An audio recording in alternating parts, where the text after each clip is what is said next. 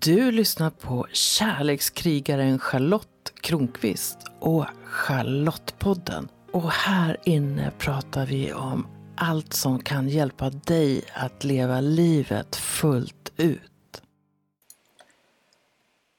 Har du någonsin medvetet stängt av dina känslor? Det har jag. Och långt senare så inser jag att det berodde på att jag var rädd för mina känslor. Och nu ska jag reflektera lite grann kring det och lite senare så kommer du att höra när jag läser kapitel 15 i min bok 100% Charlotte, ta ditt inre ledarskap. Och det kapitlet heter Rädsla för känslor, stänga av. Och då kan ju du börja med att fråga dig om du någonsin har varit rädd för dina känslor. Det kan ju vara så att du tycker att den frågan är konstig. Vad menar Charlotte egentligen? Känslor är väl ingenting att vara rädd för? Känslor är väl något man bara har. Och för mig är det lite mer komplicerat än så. Jag tror att de flesta av oss har varit med om att våra känslor inte har blivit accepterade. Tänk dig att du vid olika tillfällen under din uppväxt blir hyschad på eller blir uppmanad att dämpa dig. Det som hände mig, det var att jag blev osäker på vilka känsloyttringar som är okej okay att visa. Och i förlängningen så ledde det till att jag ändrade mitt beteende. För jag ville inte bli bestraffad. Jag ville inte få en sträng blick. Jag ville inte få ett skratt. Jag ville inte få höra att jag skulle vara tyst. Så det som hände mig och som kanske hände dig också, det var att mitt glada, sprittande barnskratt förvandlades till en försynt skrockning. Och att ilskan som jag som barn hade och som kanske fick mig att skrika ”dumma stolen” förvandlades till en knuten näve i fickan. Det är väl inget att vara arg för. Det är väl inget att uppröras över. Det är exempel på när jag medvetet har tryckt ner mina känslor.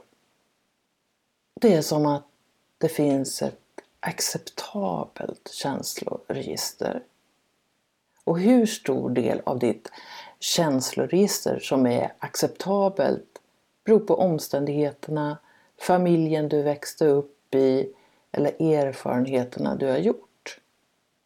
När jag undertrycker mina känslor så kan det bero på att någon har visat att hen är rädd för eller ogillar starka känslor. Varför skulle de annars hyschas bort. Det finns självklart fler aspekter på det här. Det kan kännas obehagligt att ha vissa känslor. Det kan kännas obehagligt att känna skam eller uppleva att man blir skammad av någon annan. Att ha skuldkänslor eller bli skuldbelagd. Att känna vrede eller ilska eller frustration eller, eller kanske det för dig är helt andra känslor som inte var riktigt okej. Okay. Och det som kan hända då är att vi ofta omedvetet gör allt vi kan för att slippa just den känslan. Och en vanlig strategi är att försöka undvika risken att känna de här känslorna. Jag har ju varit rädd för mina känslor, vad de skulle få för konsekvenser till exempel. Jag kanske slår sönder något om jag blir riktigt arg. Och det har gjort att jag stängt av dem. Och mycket av det har jag gjort helt omedvetet. Det var först långt senare när någon ruskade på mig och sa Det är så svårt att förstå sig på dig. Du verkar så distanserad. Men visa vad du känner. Det var när de rösterna kom som något började röra sig i mig. Långsamt började jag inse att jag, som ett sätt att slippa smärta och obehag, stängde av känslorna. I vissa avseenden, men inte helt, så blev jag lite zombielik. Det var som att jag gick på Valium för att hålla livet på en acceptabel nivå. Jag spelade balanserat. Jag försökte vara duktig. Till och med god. Men det mesta av det där gjorde jag på min egen bekostnad. Trots att jag till det yttre tycktes ha ett perfekt liv så försvann färgerna. Och även om jag inte erkände det för mig själv började jag bli deprimerad.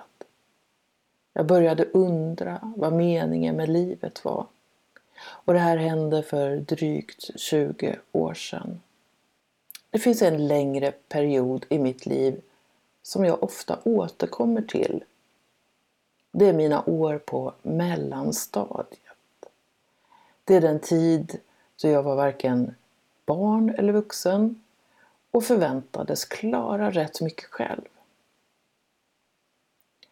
Och min upplevelse är att när psykologer eller psykoterapeuter möter personer så frågar de om den tidiga barndomen. Om upplevelser som så djupt präglar en. Men sällan hör jag någon tala om tioåringen eller 13-åringen. Det var just under den tiden som jag blev utesluten ur gemenskapen och valde att bete mig som en isprinsessa. Ingen skulle få se vad som hände inuti mig. Jag visade inte hur ont det gjorde att stå ensam på skolgården. Jag lärde mig säga tuffa, avvisande saker för att markera att jag inte brydde mig. Kanske jag till och med ibland, åtminstone inför mig själv, betraktade de som avvisade mig som idioter men de skulle inte få se mina känslor. De skulle inte få uppfatta tårarna som ofta brände innanför ögonlocken. De skulle inte få se en darrande läpp och inte heller min ilska. Jag låtsades som ingenting. Varken i skolan eller hemma. Jag skulle klara det själv Ett av de pris som jag fick betala för den stoiskheten var att jag fick svårare att navigera i känslovärlden. Jag blev mer och mer osäker på vilka känslor eller vilken grad av känslosamhet som var riskfri att visa.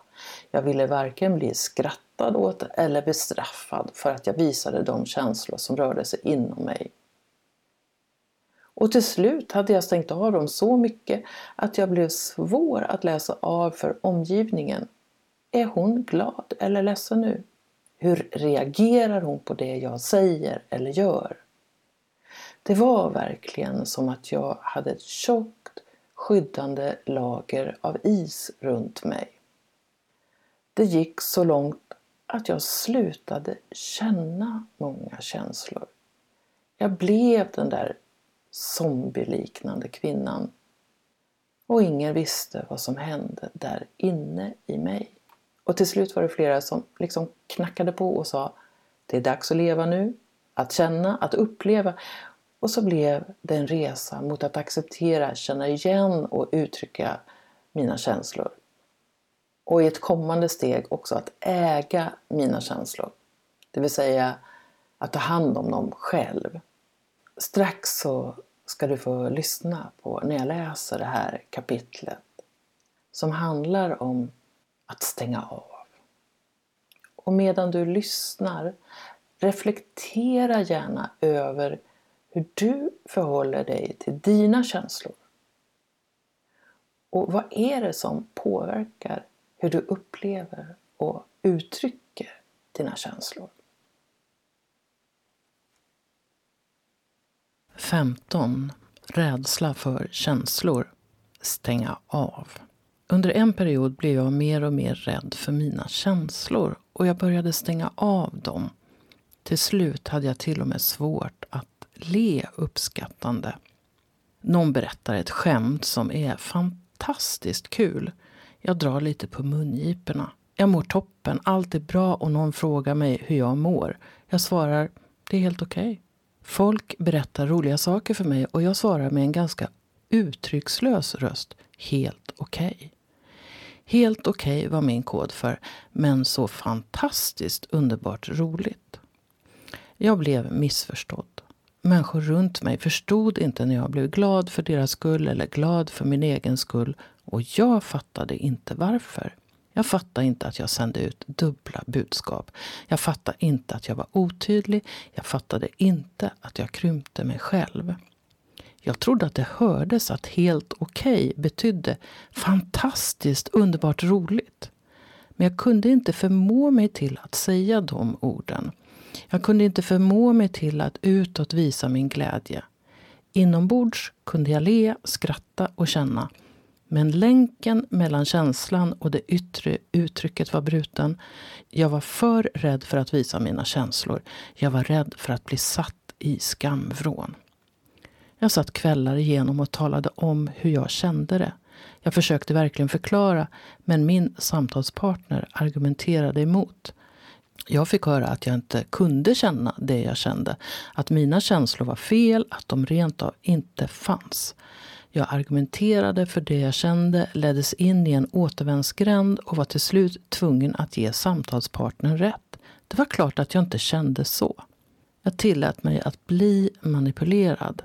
Till slut var jag alldeles förvirrad. Jag vågade inte lita på det jag kände och om jag prövade att säga det högt fick jag ändå höra att mina känslor inte stämde. Tillvaron började gunga. Jag slutade lita på mig själv och ett uttryck för det var att jag inte vågade känna. Episod Din livsenergi är nästan borta. Jag är hos en kvinna som jobbar med healing, kinesisk medicin och vägledda meditationer. Det känns läskigt att vara hos henne. Jag vet inte riktigt vad jag vill, bara att jag måste ha hjälp. Jag har försökt flera saker, men det funkar inte. Det gör ont i magen. Jag ligger på rygg i hennes behandlingsrum. Hon säger att jag har väldigt lite livsgnista kvar. Du kan inte bara finnas till för andra. Du har gett ut nästan all din energi. Du måste börja känna. Jag minns det som att hon var väldigt bestämd på den punkten. Att jag riskerade att dö av energibrist om jag inte börjar känna. Hur gör jag då, när jag känner? Jag kände mig som ett nyfött barn som inte visste hur jag skulle göra när jag känner. Efter det här kunde jag stå hemma i köket och ana en känsla. Jag anade att jag nog var lite arg. Men kunde jag vara säker på det? Kunde det som jag kände i kroppen vara ilska? Jag hade så många gånger fått höra att mina känslor var fel eller inte fanns att jag inte längre visste. Jag förde en dialog med mig själv, kände efter lite försiktigt men sa inte så mycket om det. Hur kom det sig att jag tillät mig att bli så liten? Hur kunde jag nästan utplåna mig själv? Det är egentligen ofattbart. Samtidigt märkte nog världen inte särskilt mycket. De såg någon av maskerna jag visade upp, för jag valde att fortsätta spela teater. Din läxa. I vilka situationer håller du dig själv tillbaka? Ja, du hörde min reflektionsfråga. I vilka situationer håller du dig själv tillbaka? Och det är en fråga som är värd att reflektera över flera gånger, att titta närmare på och att agera på. På vilket sätt är det bra att göra det? På vilket sätt är det dåligt att göra det? Och vem vore du om du kände dig friare att vara dig själv? Vad skulle vara möjligt då?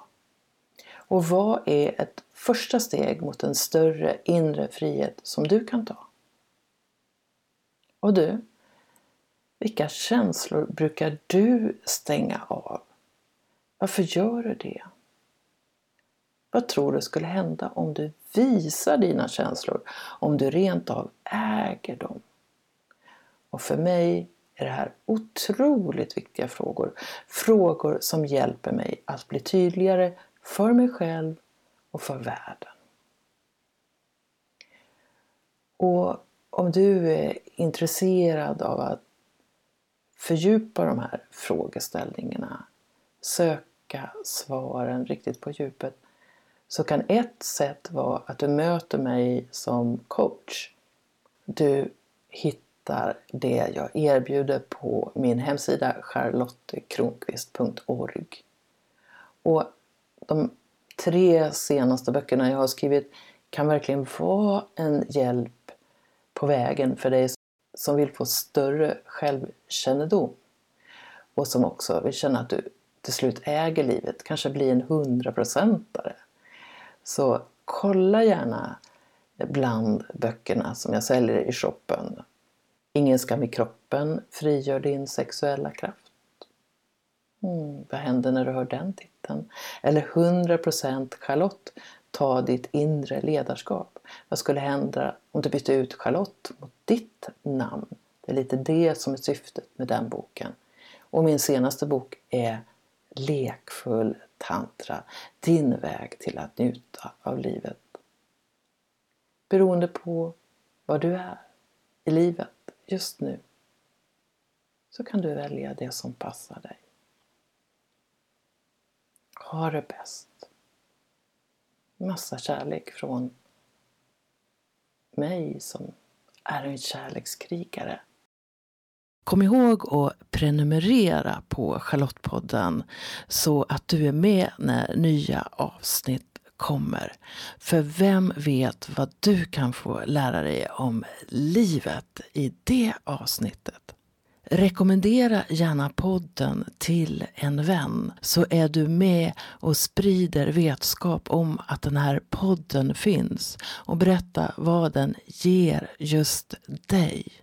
Jag skulle bli så glad om du också går in i din podcast-app och lämnar en kommentar eller skriver en recension av podden. Ju fler som gillar podden öppet, desto fler kommer också att hitta den.